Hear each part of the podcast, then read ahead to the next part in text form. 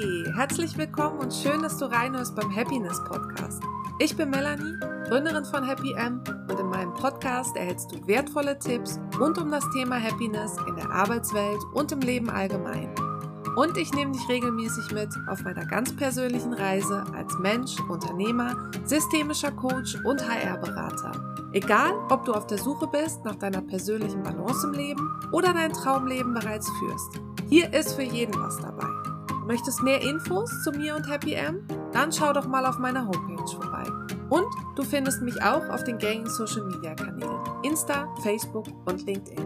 Ach ja, und vergiss nicht, meinen Podcast zu abonnieren. So kannst du sicher sein, dass du keine Folge verpasst. Und jetzt wünsche ich dir ganz viel Hörfreude und neue Impulse mit dem Happiness Podcast. Happy Friday, ihr Lieben.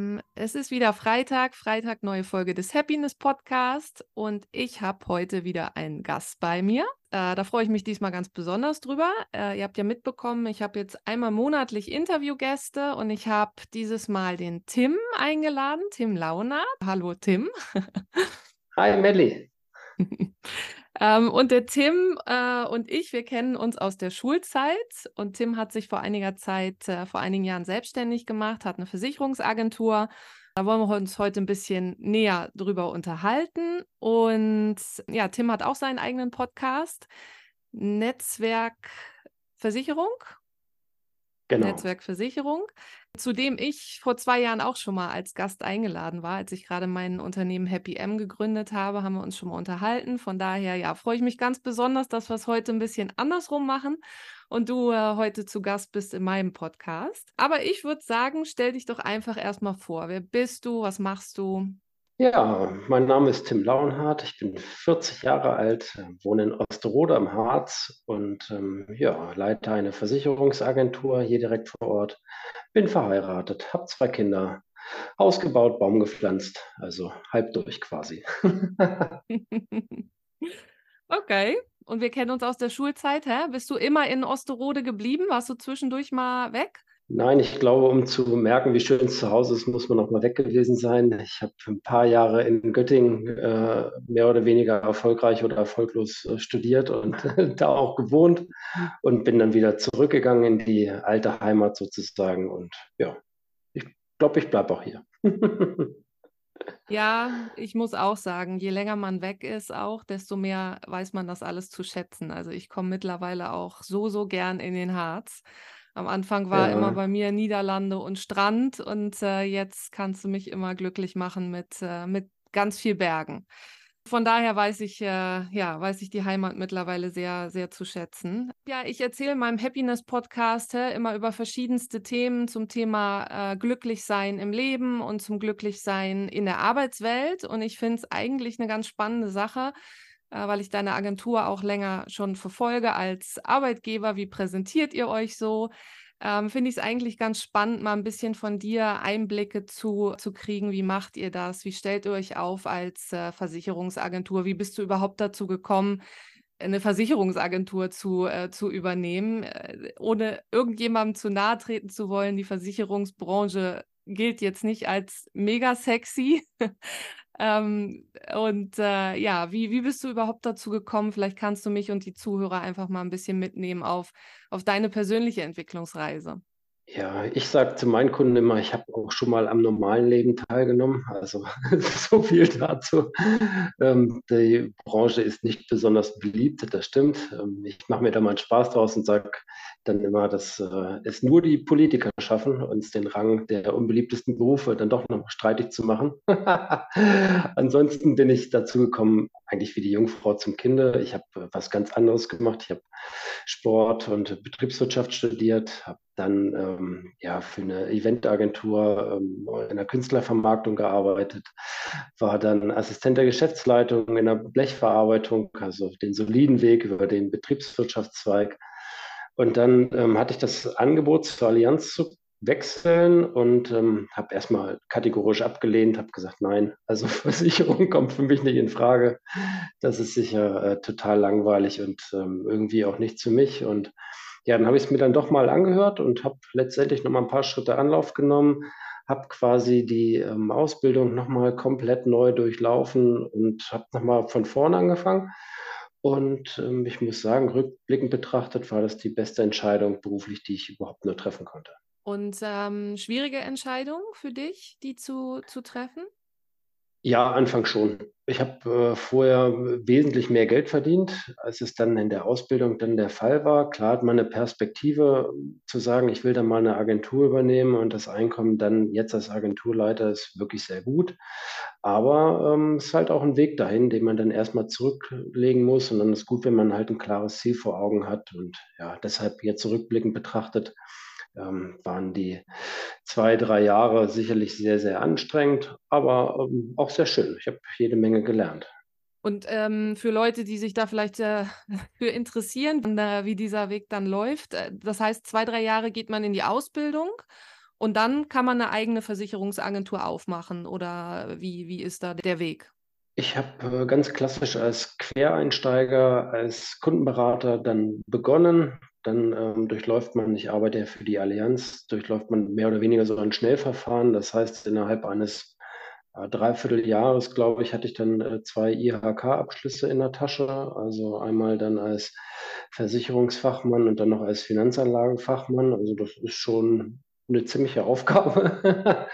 und ähm, dann ist man in einer Agentur eingesetzt und je nachdem, wie man sich dann halt weiterentwickeln will, stehen einem da alle Tore eigentlich offen. Also ob es dann der Weg in den Konzern nachher ist, äh, mit den verschiedensten Standorten, verschiedensten Schwerpunkten, die es dann da halt eben gibt, oder wie dann halt in meinem Fall dann zu sagen, okay, ich möchte auf jeden Fall eine Agentur übernehmen vor Ort und dann äh, meine Kunden hier, ähm, wobei nicht nur vor Ort betreuen, ich mache auch ganz, ganz viel Online-Geschäft. Das heißt, meine Kunden sind auch wirklich, also auch weit verstreut. Die, da hat Corona ja nochmal so einen richtigen Schub gegeben was eben die digitalen Medien angeht. Ich mache ganz, ganz viel Videoberatung und also es ist jetzt äh, nicht mehr so dieses klassische Image und Bild dann halt von früher, dass man sagt, so äh, unangemeldet klingelt einer in Anzug und Lackschuhen und geht mir auf den Sack. Und ähm, wenn ich eine rausschmeiße, kommt da hinten wieder rein. Äh, das ist so das Bild halt, was es von früher gibt. mhm, mhm. Ja, das, das habe ich auch immer noch so ein bisschen im, äh, im Hinterkopf. Aber naja, da, äh, da trägst du, glaube ich, auch gut dazu bei, um das Image ein bisschen aufzupolieren und äh, schön zu sehen, dass sich da, dass sich da was bewegt. Kannst du mich und die Zuhörer ein bisschen mitnehmen, ein bisschen Hintergrund geben? Wie sieht deine Agentur aus? Wie viele Mitarbeiter hast du? Wie seid ihr aufgestellt? Mhm, gerne. Ich habe inzwischen äh, vier Mitarbeiterinnen und äh, jetzt seit dem 1.10. ist noch eine Auszubildende dazu gekommen. Und dazu habe ich noch eine Freelancerin, die für mich arbeitet. Und ja, das Team ist halt gewachsen. 2016 habe ich begonnen. Und also als Agenturist dann. Ähm, 2013 bin ich zur Allianz gegangen. Und ja, das Team ist jetzt stetig gewachsen. Ähm, habe eine sehr ja, familiäre Atmosphäre hier in der Agentur und ähm, das ist letztendlich das, was es auch irgendwo dann halt ausmacht, was sich dann auch transportiert in die Kundschaft. So einfach sagen, wir gehen hier eine Partnerschaft miteinander ein, ist nicht so dieses klassische Käufer-Verkäufer-Ding, sondern einfach, ähm, wir setzen so aufs Pferd. Versicherung ist so die ähm, ungeliebte Schublade, wo du sagst, die mache ich auf, ähm, äh, nur dann, wenn es sein muss, will aber gut versichert sein. Und ähm, ja, das ähm, zeichnet uns als Agentur aus. Es sind noch ein paar Kinder quasi in der Agentur und äh, daher halt auch so familiäre Atmosphäre. Und ja, mein Credo ist so, wir verbringen so viel Zeit mit der Arbeit, da darf es auch ruhig mal Spaß machen. Richtig gut, richtig gut, bin ich völlig, äh, völlig bei dir. Was glaubst du, wenn ich deine Mitarbeiterin jetzt mal anrufen würde und fragen würde, was die äh, von ihrem Chef Tim halten? Was würden die mir erzählen? Ich glaube, dass die äh, ein ganz gutes Bild von mir zeichnen würden, ähm, unabhängig davon, ob ich jetzt zuhöre oder nicht, weil das ist letztendlich ähm, das, was mir persönlich auch sehr, sehr wichtig ist. Und da geht es halt auch ums Thema Wertschätzung, halt einfach dann auch der Mitarbeitenden. Und ähm, ja, ich denke schon, dass sie sich sehr positiv äußern würden. Und du sagst, äh, ab seit 1.10. auch eine Auszubildende. Klasse, dass ihr, dass ihr die gefunden habt. Ich habe eure äh, Kampagnen ein bisschen verfolgt auf, äh, auf Instagram. Äh, ihr habt immer schöne Reels gemacht, äh, um, äh, ja, um einfach auch Bewerbungen zu bekommen. Und ich habe euch auf, äh, wie heißt das, Berufsinformationstage oder so, wart ihr, glaube ich, auch in, in Osterode. Wie habt ihr schlussendlich äh, die, die Auszubildende gefunden?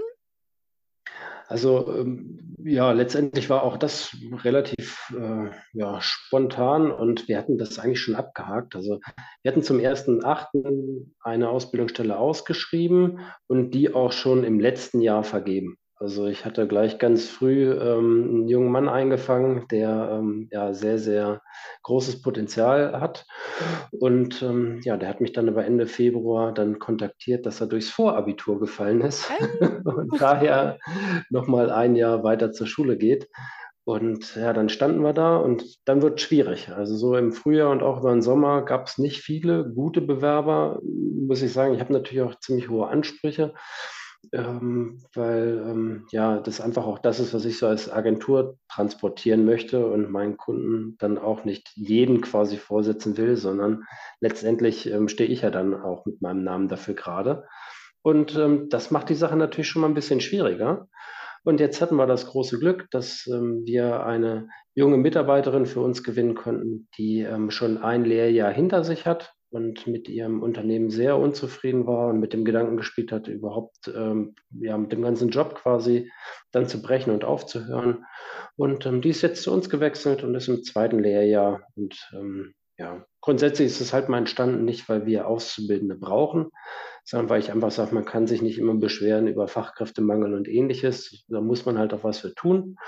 Und ähm, ja, ein ganz wichtiger Aspekt und einfach weil wir Bock haben, junge Leute zu entwickeln. Also das ist so, das ähm, glaube ich, was auch dann nachher sehr ähm, ja, gewinnbringend sein wird, dass wir jetzt keine äh, hohen wirtschaftlichen Interessen damit verknüpfen, sondern einfach sagen, so, wir wollen die Leute entwickeln und ähm, dann wird es, glaube ich, auch äh, zum Bumerang und äh, da kommt dann auch was Gutes wieder zurück.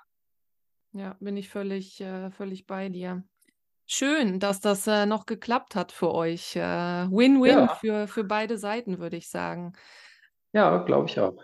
Ich bin vor zwei Jahren natürlich äh, das Podcast-Interview damals haben wir bei dir in der Agentur aufgenommen, ne? Das das heißt, ich habe die Agentur auch schon mal von innen gesehen. Ich kann auch wirklich nur sagen, das ist ein bisschen, wie du schon sagst, hä, Wohnzimmeratmosphäre, familiäre Atmosphäre, also wirklich nicht äh, vergleichbar mit den äh, staubigen Versicherungsagenturen, die man vielleicht so von früher kennt.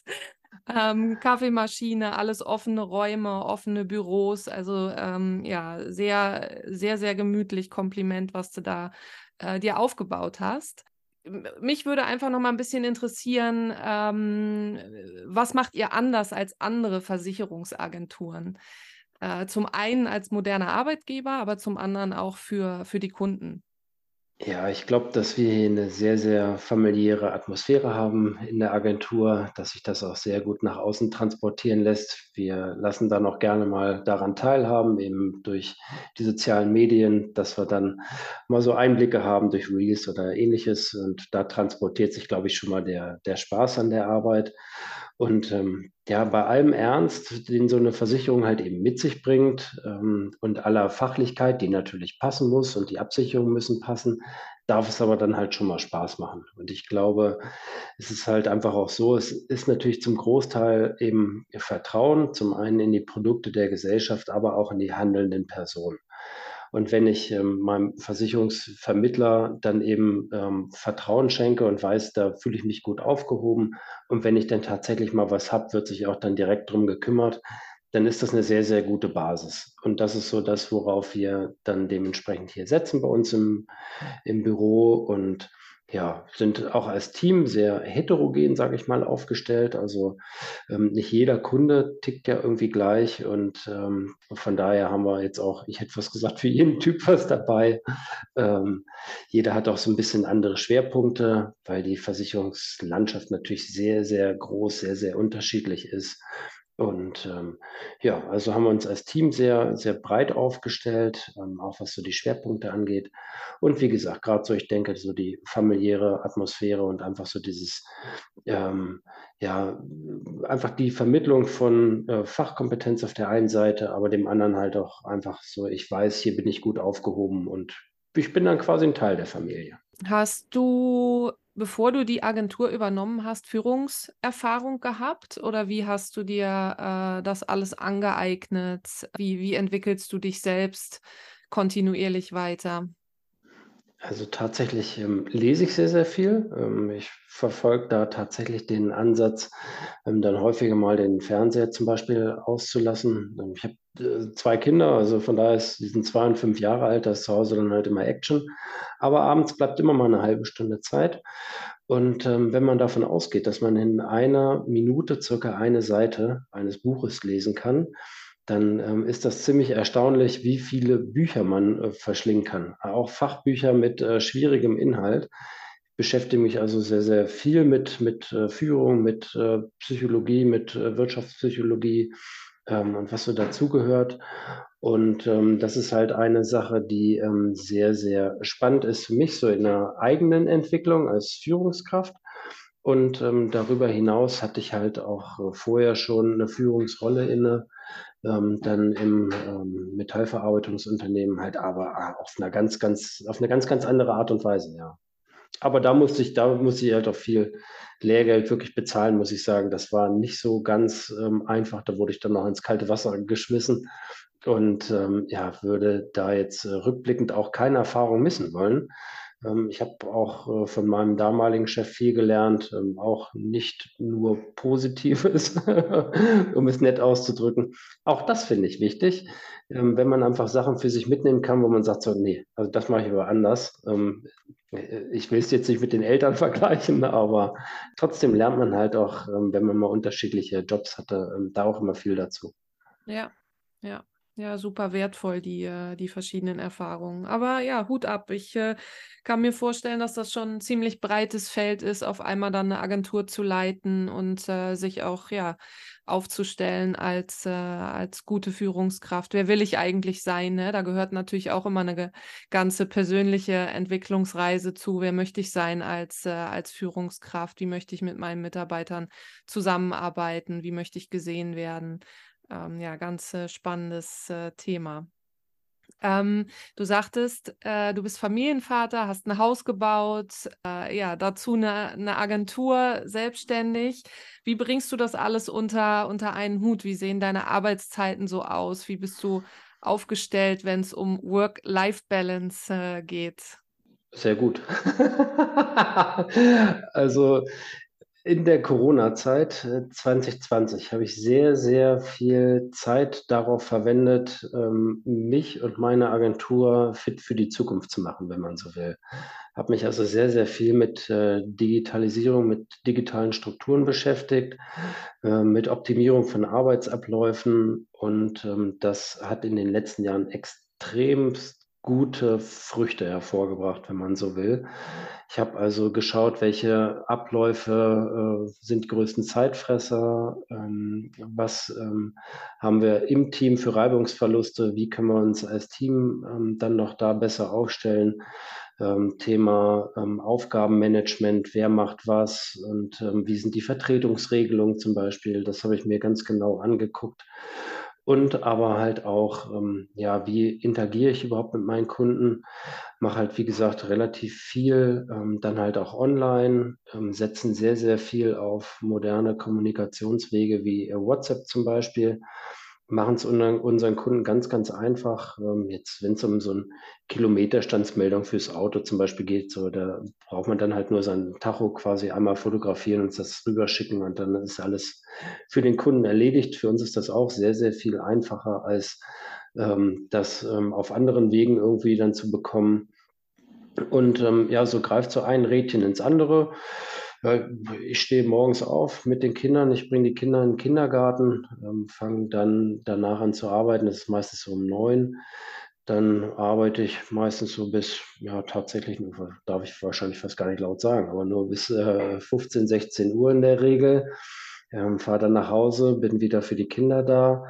Und ähm, wenn die Kinder dann nachher im Bett verschwunden sind und ähm, meine Frau auf dem Sofa eingeschlafen ist, dann klappe ich äh, relativ häufig den Laptop nochmal auf und habe dann nochmal ein bisschen Zeit für ja, Neudeutsch Deep Work, sage ich mal, also wirklich ähm, mich ganz in Ruhe hinzusetzen und halt eben äh, fernab von Störungen durchs Telefon oder, oder andere Einflüsse dann noch zum Beispiel Angebote zu schreiben oder mich mit schwierigeren Sachverhalten im Bereich der Schadenabwicklung oder so zu beschäftigen. Ja, und freitags habe ich frei. also arbeite tatsächlich auch nur vier Tage die Woche. Klingt nach einem Traumjob. also ja, finde ich auch. ja, richtig. Aber gut, es ist auch immer, ich sage auch immer, es ist, was man selbst draus macht. Ich, also mir geht das Herz auf, wenn ich höre, äh, wie sehr du dich mit Digitalisierung beschäftigst und äh, ja, einfach nicht, nicht mehr dieses von früher hart arbeiten, sondern schlau arbeiten und effizient arbeiten und äh, ja, dadurch seine Zeit auch viel effizienter einteilen und Zeit haben für die Dinge, die wirklich wichtig sind äh, im, im Leben. Richtig gut. Ähm, ich könnte noch Stunden mit dir weiter quatschen. Ich schaue ein bisschen auf die Uhr. Ich äh, habe am Ende immer drei Fragen, die ich jedem meiner Interviewgäste stelle und äh, mhm. die würde ich deswegen gern auch dir stellen. Und die erste Frage ist, was bedeutet glücklich sein für dich? Zeit mit der Familie verbringen. Richtig gut. Ja, ich hatte es fast nicht anders erwartet. Zweite Frage, wenn du eine wichtige Entscheidung treffen musst, triffst du die mit dem Bauch oder mit dem Kopf? 70-30 würde ich sagen. Also es muss ein gesunder Mix sein, sage ich zu meinen Kunden auch immer, nur Kopf bringt gar nichts. Ähm, und ein gutes Bauchgefühl muss man sich irgendwie antrainieren oder so. Mhm. Das, mhm. Ja, würde ich sagen 70-30, 70 Bauch, 30 Kopf. Also bei spontanen Entscheidungen. Okay. War das schon immer so? Nein, definitiv nicht. Ähm, äh, auch man muss ja lernen, sich auf sein Bauchgefühl verlassen zu können und es auch richtig einzuschätzen. Und ähm, von daher ähm, ist das äh, ja mit, ist eine, ist eine, ich hätte fast gesagt, es ist eine Übungssache. Also mhm, mhm. anfangs war es erst fast nur Kopf, relativ wenig Bauch und irgendwann ähm, habe ich mir angewöhnt, mich doch auf mein, mein Gefühl zu verlassen. Mhm. Ja, höre ich von ganz, ganz vielen äh, Leuten, mit denen ich spreche. Auch viele, die, äh, die, ja, wenn man das so ein bisschen reflektiert, ähm, im Kindesalter sind wir alle total gut, Bauchentscheidungen zu treffen. Und dann kommen wir irgendwann in die Phase, dass wir ja uns das abtrainieren oder uns das abtrainiert wird. Und äh, ja, ja, äh, bei vielen Leuten oder bei, bei hoffentlich den meisten Leuten kommt dann irgendwann der, der Schalter wieder, wo wir sagen, also die besten Entscheidungen werden vielleicht doch in, ja, als Kombination getroffen und unser Bauchgefühl erzählt uns, wahrscheinlich immer ganz wichtige Dinge, auf die wir meiner Meinung nach auch hören sollten. Aber ja, das äh, ist ein Entwicklungsprozess, ja. Ich glaube, es ist auch einfach ähm, die Angst, Fehler zu machen zum Beispiel. Mhm. Und das ähm, ist schwierig hinter sich zu lassen, weil äh, man muss sich natürlich erstmal damit anfreunden, dass man Fehler macht und das Fehlern lernt und man zahlt halt auch mal Lehrgeld. Das, das ist halt einfach so. Und wenn man merkt, dass man vielleicht einen Großteil der Entscheidung vielleicht richtig trifft, dann ähm, verlagert sich das Ganze. Ja, Vertrauen ins Vertrauen ins Bauchgefühl bekommen. Ja, Genau. ja. Meine dritte Frage, was liegt dir ganz besonders am Herzen? Was möchtest du den Zuhörern heute auf jeden Fall noch äh, sagen? Also ich glaube, dass es ähm, jeder Weg mit dem ersten Schritt anfängt, ist immer so ein bisschen, ich kenne das ja nun auch. Ich habe mich ja auch entwickelt im Laufe der Jahre und äh, man denkt immer so, ach ja, bei dem läuft es ja und das ist ähm, ja auch sicherlich irgendwo manchmal dem Job geschuldet oder irgendwelchen günstigen Rahmenbedingungen oder ähnlichem. Aber letztendlich glaube ich daran, dass sich jeder das ähm, so gestalten kann und so erarbeiten kann, wie es für ihn oder sie gut und, und richtig ist. Und ähm, da ist mein Tipp quasi Anfang. Also das heißt immer so schön, Erfolg hat drei Buchstaben, T-U-N, also einfach tun und loslegen. Finde ich ein super schönes äh, Abschlusswort. Vielen Dank, Tim, dass du äh, uns ein bisschen Einblicke gewährt hast in deinen Agenturalltag, in dein Leben als Agenturchef, als, äh, ähm, ja, als Selbstständiger und als Mensch. Super interessante Reise, äh, super interessante Einblicke. Vielen Dank dafür. Und ich äh, werde sowieso in den Show Notes von diesem Podcast Tims Webseite verlinken und auch den äh, Podcast Netzwerk Versicherung. Tim, vielleicht willst du noch mal kurz was zum Podcast äh, sagen. Ich glaube, du erzählst in dem Podcast ganz viel über äh, Versicherungsthemen, aber dann in einer Sprache, die wir alle sprechen, oder? Ist es so gut zusammengefasst? Die Idee ist mal daraus entstanden, dass ich äh, zu bestimmten Themen in den Kundenterminen immer wieder das Gleiche erzähle. So, und ähm, da habe ich es ähm, dann einfach für mich so gemacht, dass ich sage, okay, wäre doch irgendwie klug, das äh, einmal aufzunehmen und dann für sich arbeiten zu lassen. Und ähm, so nutze ich im Prinzip meinen Podcast, wenn es um bestimmte Themen geht, dass ich meinen Kunden einfach mit der Terminbestätigung einfach den Link zur Podcast-Folge dann schicke und sage, hört doch mal rein, äh, ganz niedrigschwellig, ähm, könnt ihr euch da schon mal vorab so die Infos holen und dann können wir im Gespräch tiefer einsteigen.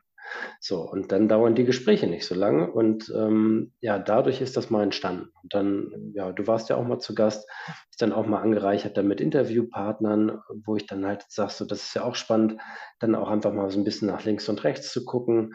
Und ähm, ja, aber das Hauptanliegen ist einfach dieses ähm, ja, staubtrockene ähm, Versicherungsthema quasi mal so ein bisschen äh, aufzufrischen und ähm, dann zu sagen, so man bringt da mal ein bisschen frischen Wind rein und ähm, ja, die Themen, die wirklich wichtig sind, womit man sich vielleicht nochmal beschäftigen sollte, aber da keinen Bock drauf hat, einfach so zu transportieren, dass ein bisschen, bisschen angenehmer ist bei aller Ernsthaftigkeit der Themen. Und äh, ich, also ich muss sagen, ich höre den ab und zu zu verschiedensten Themen. Ist wirklich, hört mal rein, ist äh, ganz einfache Sprache, ganz, äh, ja, also auch da wieder, Versicherung kann auch Spaß machen, Versicherungsthemen können Spaß machen, Podcast mit Versicherungsthemen können, kann auch Spaß machen. Also äh, hört mal rein. Nochmals, vielen Dank, Tim. Es war mir eine Freude. Äh, danke, dass du, dass du da warst und äh, ja, ich würde sagen, ich wünsche, wir wünschen den Hörern, äh, den Zuhörern einen Happy Friday und äh, ja, hört gerne wieder rein nächste Woche beim Happiness Podcast. Ciao. Danke, Tim. Gerne. Ciao. Das war wieder eine Folge des Happiness Podcast. Hast du Fragen oder Feedback für mich oder Ideen zu Themen, die du gerne im Podcast hören würdest? Dann schreib mir eine Mail an melanie at happym.eu oder schick mir eine Nachricht auf Insta oder LinkedIn. Hat dir die Folge gefallen? Dann hinterlass mir super gern ein Review, indem du oben auf die 5 Sterne klickst. Nochmals, danke, dass du wieder dabei warst und bis zum nächsten Mal beim Happiness Podcast.